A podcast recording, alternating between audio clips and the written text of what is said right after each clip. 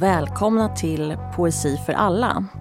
En podd från Albert Bonniers förlag där poeter pratar om dikter som de tycker om.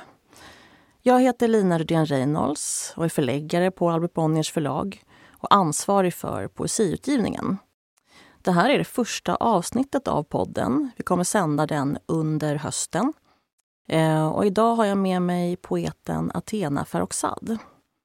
Athena Farrokhzad är poet, dramatiker, översättare, litteraturkritiker och lärare vid Biskops Arnös författarskola. 2013 debuterade hon med poesiboken Vitsvit som blev en stor succé. Det här är en bok som har bildat skola. Vitsvit är ett slags körverk, en dialog mellan familjemedlemmar som är bundna till varandra genom revolutionens och migrationens erfarenhet där utsagor om våld och vithet turneras. 2016 gav Farrokhzad ut boken Trado tillsammans med den rumänska poeten Svetlana Karstian. Och nu senast har hon givit ut I rörelse. I rörelse kom förra hösten, en samling fristående dikter som rör sig mellan fascismens frammarsch, rytmens räddning och vardagen i förorten.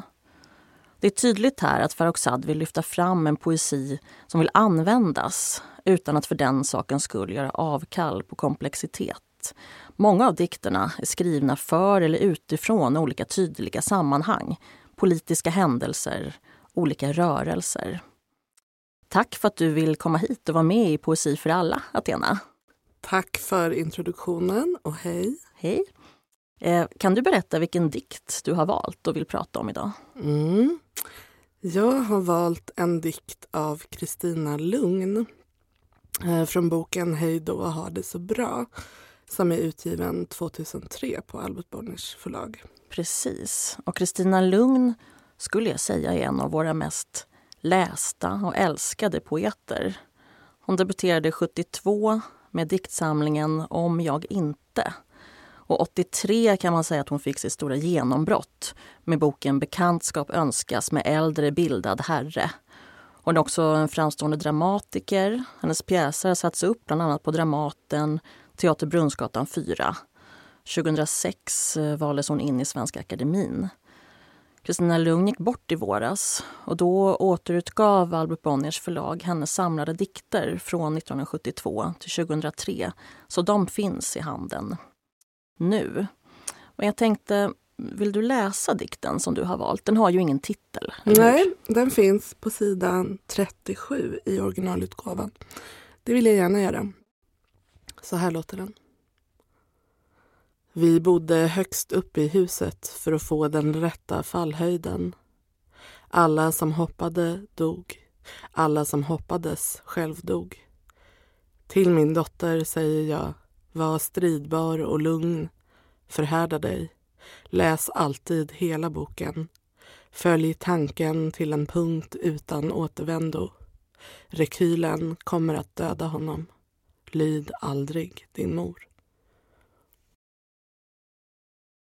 Tack! Vilken fin läsning. Um, och även jag tycker mycket om den här dikten.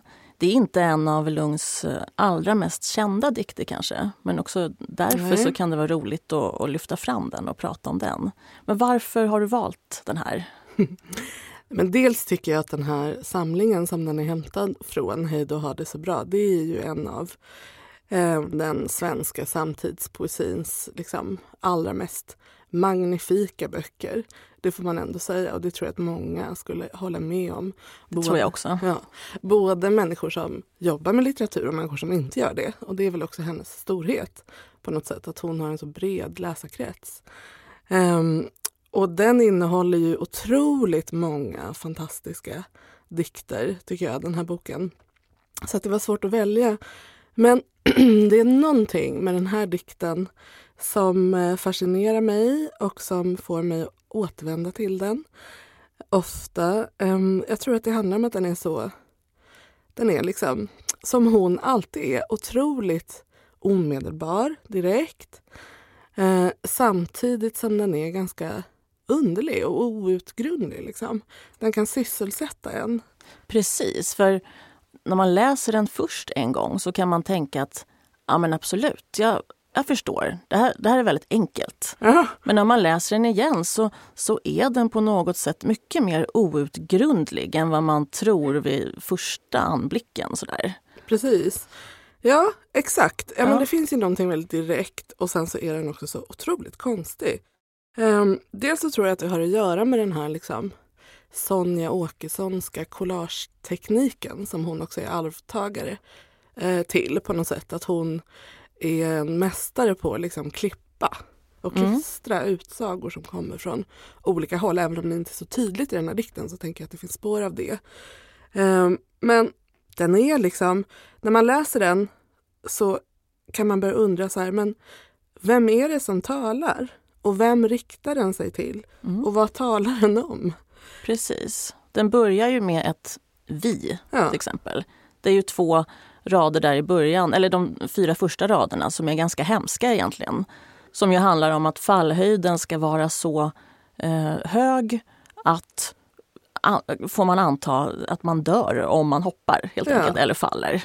ja Och då är det ett vi som talar först. precis. Eh, och som talar om ett alla. Precis. Eh, och sen skiftar ju både, både pronomen och tempus eh, och riktning. Så att det är liksom en dikt som, som rör sig mellan imperfekt, presens, imperativ, futurum, mellan ett vi eh, till ett alla, till den här dottern, till, till eh, det här hannet.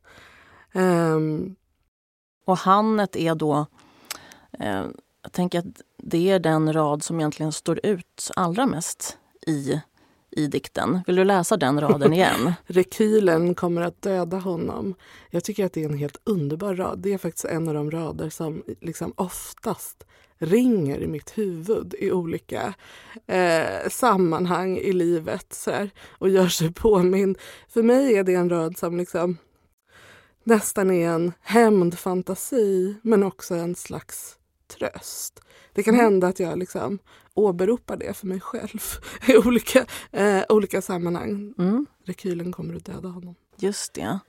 Och, och där kan man ju undra, för först kommer ju alla de här uppmaningarna. Mm. Till, till min dotter säger jag. Och så är det olika uppmaningar som, är, ja, men som låter ganska ri, rimliga eh, på sätt och vis. Mm. Och sen kommer raden om att rekylen kommer att döda honom. Ja, var kommer den ifrån? Precis. Då, man kan ju undra då om det liksom följer på de andra raderna. Mm. Raden innan är ju eh, följ tanken till en punkt utan återvändo.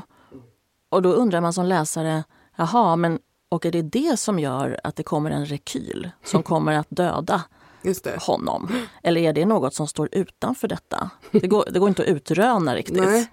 Men det är väl det som är grejen med den här dikten, att det är en dikt som till synes pratar om konsekvenser eh, och som liksom verkar förklara orsakssamband. Eh, vi bodde högst upp i huset för att få den rätta fallhöjden. Mm. Eh, så att vi gjorde det här för det här, det här blev konsekvensen.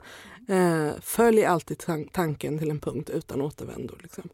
Eh, och sen när man börjar liksom titta på de här orsakssambanden så är de ändå ganska outgrundliga. Ja, man visst. förstår inte varför det ena är konsekvensen av det andra Just det. och varför rekylen kommer att döda honom följer på. Att, att man har följt tanken då till en punkt utan återvändo. Det, det är liksom... Precis, så på ett sätt så blir den också ganska obehaglig på det sättet tycker Mm. jag. Mm. Ehm, om man ser på de här uppmaningarna då. Um, var stridbar och Mm. lugn, förhärda dig, läs alltid hela boken.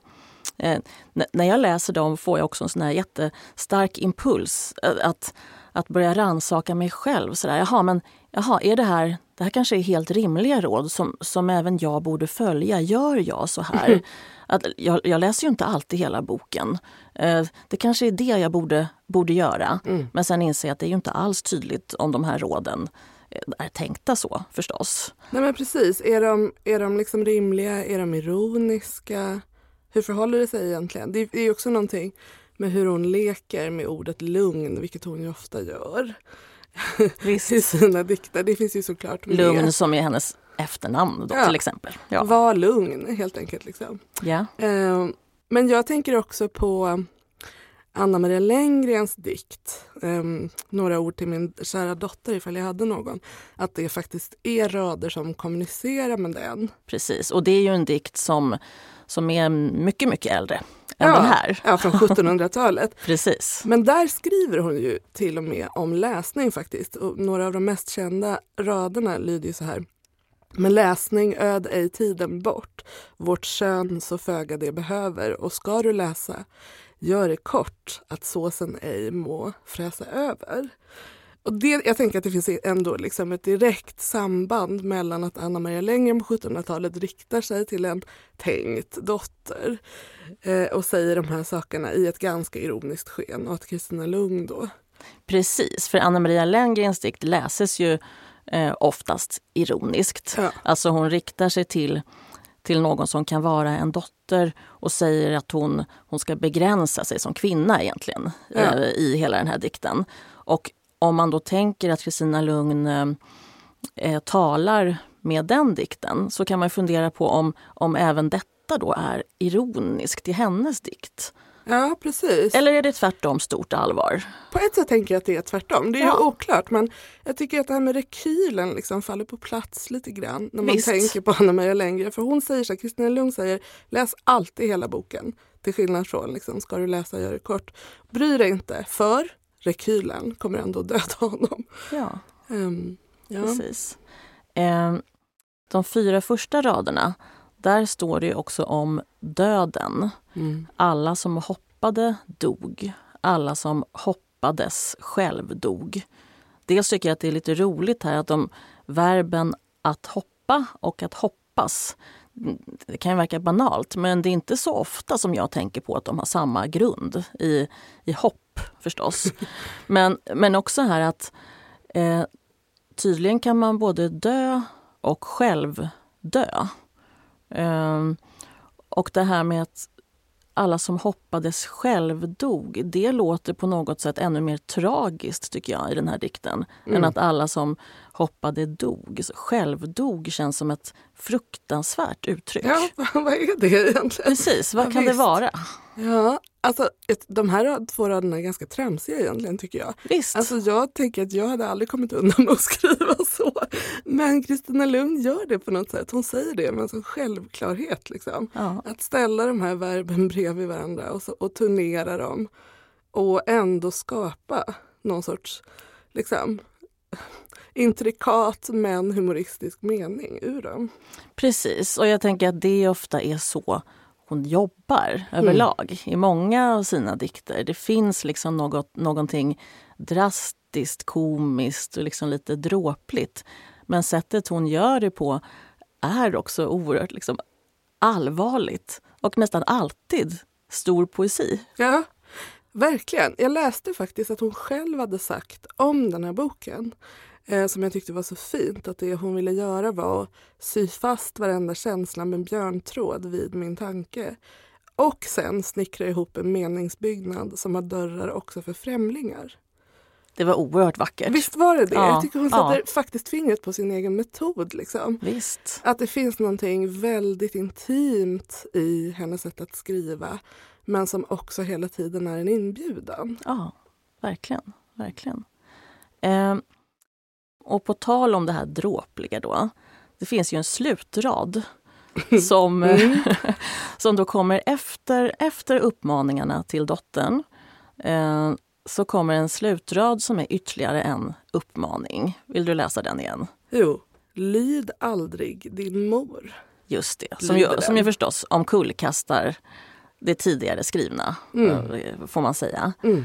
Och eh, ja, va, va, vad tycker du om den raden? Ja, vad säger du?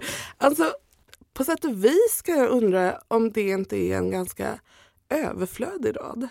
Om man inte till och med hade kunnat stryka den. Alltså hade man slutat med rekylen kommer att döda honom så hade det ju varit ett betydligt mer öppet slut. Ehm, Medan lyd aldrig din mor. Det är ju en sorts gardering liksom.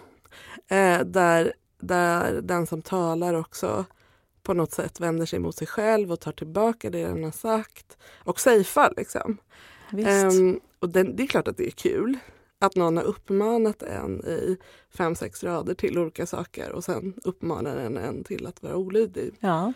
mot uppmaningarna. Men ja, jag är nog lite tveksam till den raden faktiskt. Vad, vad, säger du? Jo, men jag kan hålla med om det. Och alltså på, på ett sätt förstår jag ju att det är det som gör att dikten också slutar i något eh, som är liksom... Ja, ja, på ett sätt stänger den dikten. Mm. Men den öppnar också mot eh, det komiska och osäkra. Alltså annars hade inte läsaren varit osäker på om uppmaningarna var allvarliga eller inte. Kanske. Mm. Eh, så den har en sån effekt. Men när jag läser tänker jag också att ah, hade det inte bara kunnat eh, få stå där faktiskt.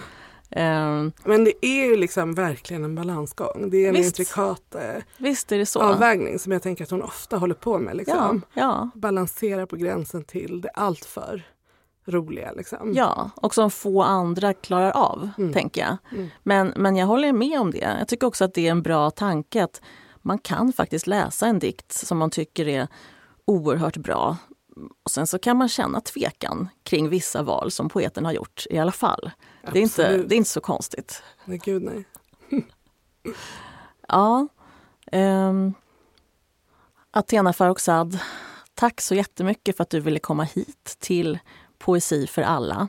Det här var tack det första avsnittet där vi alltså talade om en dikt av Kristina Lugn som finns i boken Hej då, ha det så bra. Tack. Vi avslutar med att läsa dikten av Kristina Lugn en gång till. Tack för att ni lyssnade. Vi bodde högst upp i huset för att få den rätta fallhöjden. Alla som hoppade dog. Alla som hoppades själv dog. Till min dotter säger jag, var stridbar och lugn. Förhärda dig. Läs alltid hela boken. Följ tanken till en punkt utan återvändo. Rekylen kommer att döda honom. Lyd aldrig din mor.